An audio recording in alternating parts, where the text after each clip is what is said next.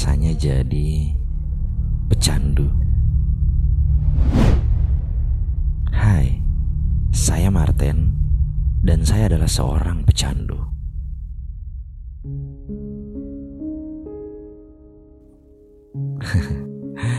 Sebenarnya bukan pecandu ya, tapi pernah jadi pecandu narkoba. Saat itu saya masih duduk di bangku kelas 1 SMA. Ketertarikan saya terhadap musik ternyata menjerumuskan saya ke dunia yang tidak baik untuk diri saya. Tapi bukan berarti semua musisi seperti itu ya. Hal ini terjadi hanya di beberapa orang saja, termasuk saya. Awalnya saya disebut sebagai seorang nerd atau kutu buku. Sejak TK, saya dididik untuk menjadi seseorang yang penggila gelar juara kelas. Ya, emang sih salah satu hal yang saya alami saat kecil yang tidak semua teman-teman saya saat itu mengalaminya, yaitu saya adalah korban broken home. Mama dan papa pisah sejak saya berumur tiga tahun. Mungkin hal itu juga yang memicu mama mendidik saya untuk rajin belajar. Sebagai pembuktian pada papa bahwa mama bisa membuat saya menjadi anak yang pintar. Mungkin ya. Singkat cerita, saat kelas 2 SMP saya mengenal yang namanya gitar dan musik.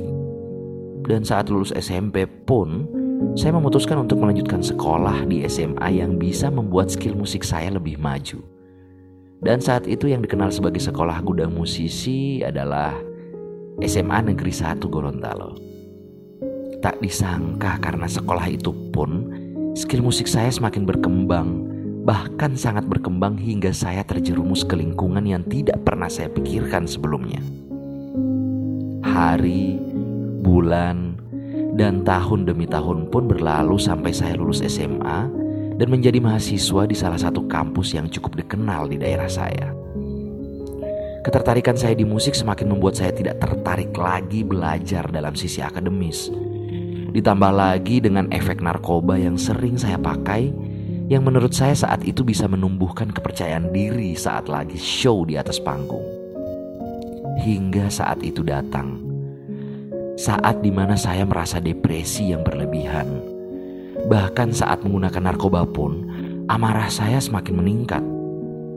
Penyesalan terbesar saya saat itu adalah saya sempat merasa sangat marah pada mama. Kenapa mama dan papa saat itu harus cerai dan saya yang harus menjadi korban? Hidup saya semakin kacau. Kuliah pun terhenti dan saya jatuh dalam hidup yang saya tidak tahu lagi harus berbuat apa. Tidak kuliah dan juga tidak kerja. Hingga saya memutuskan untuk melepaskan diri dari barang-barang haram itu. Saya menemukan cara untuk melepaskan itu, yaitu saya harus keluar dari Gorontalo. Saat itu saya pun keluar dari Gorontalo.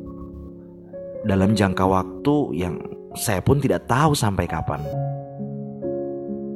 Target saya saat itu adalah sampai saat saya tidak menggantungkan diri ke barang haram itu dan sudah bisa menemukan hal apa yang harus saya lakukan untuk masa depan saya nanti, barulah saya balik lagi ke Gorontalo. Tak hitung sampai setahun, Alhamdulillah saya bisa lepas secara total dari barang haram itu. Dan saya pun kembali ke Gorontalo dengan konsep kehidupan yang baru. Ya, mama sedikit kecewa karena saya kembali ke Gorontalo dengan memulai lagi dari nol. Saya memulai langkah baru dengan mengulangi kuliah saya dari awal. Kali ini saya kuliah dengan jurusan yang berbeda dari sebelumnya. Cukup jauh loh kalau dipikir dari matematika ke ilmu komunikasi. Dan target yang baru pun harus saya lakukan. Ya, alhamdulillah dalam waktu empat tahun, saya bisa menyelesaikan kuliah saya bahkan dengan hasil cum laude. Selama saya kuliah, saya mengenal dunia baru. Dunia yang penuh keajaiban. Ya, saya memberanikan diri untuk merubah profesi saya dari musisi menjadi seorang magician. Saya pun berkarya dalam dunia seni sulap dua tahun belajar untuk mendalami, hingga saya menjadi salah satu pesulap yang mengawali entertainment di Gorontalo mengenal seni sulap. Dengan bantuan seorang konsultan pesulap dari Trans TV, saat itu kami berhasil membangun komunitas sulap satu-satunya di Gorontalo yang berhasil mencetak pesulap-pesulap terbaik di Gorontalo. Dan saya pun terus mengasah kemampuan saya di dalam bidang ini. Sampai saat ini, saya berhasil mendapat gelar The Best Parole Mentalist 2013 dalam VMC Pro Magic Competition di Manado dan The Best Mentalist Jogja Magic Award 2016 di Kaliurang, Yogyakarta.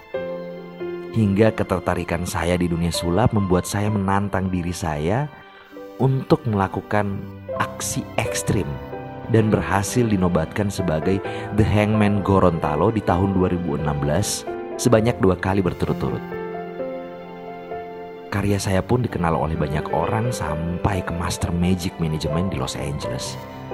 Yang tadinya kecewa, mama pun berubah menjadi bangga. Bahkan papa pun ikut serta dalam perkembangan karir saya. Hingga saat ini saya pun dikenal sebagai the most magician Gorontalo. Sampai titik ini saya belajar bahwa ternyata berkarya tak perlu pakai narkoba. Saya yang dulu bisa percaya diri ketika menggunakan narkoba, dibanding sekarang percaya diri saya terbangun secara alami bahkan bisa saya kontrol. Dengan kepercayaan diri ini juga, saya bisa memiliki beberapa profesi lainnya. Selain sebagai profesional magician, saya pun berprofesi sebagai profesional host, MC, presenter, dan public speaker.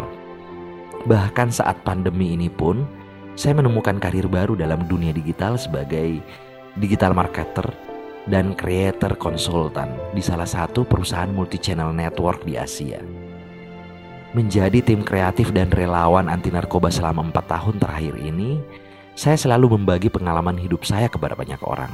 Dengan harapan, semoga tidak ada lagi yang mengalami proses hidup seperti saya dulu. Ayolah, hari gini masih pakai narkoba. Anda pengecut.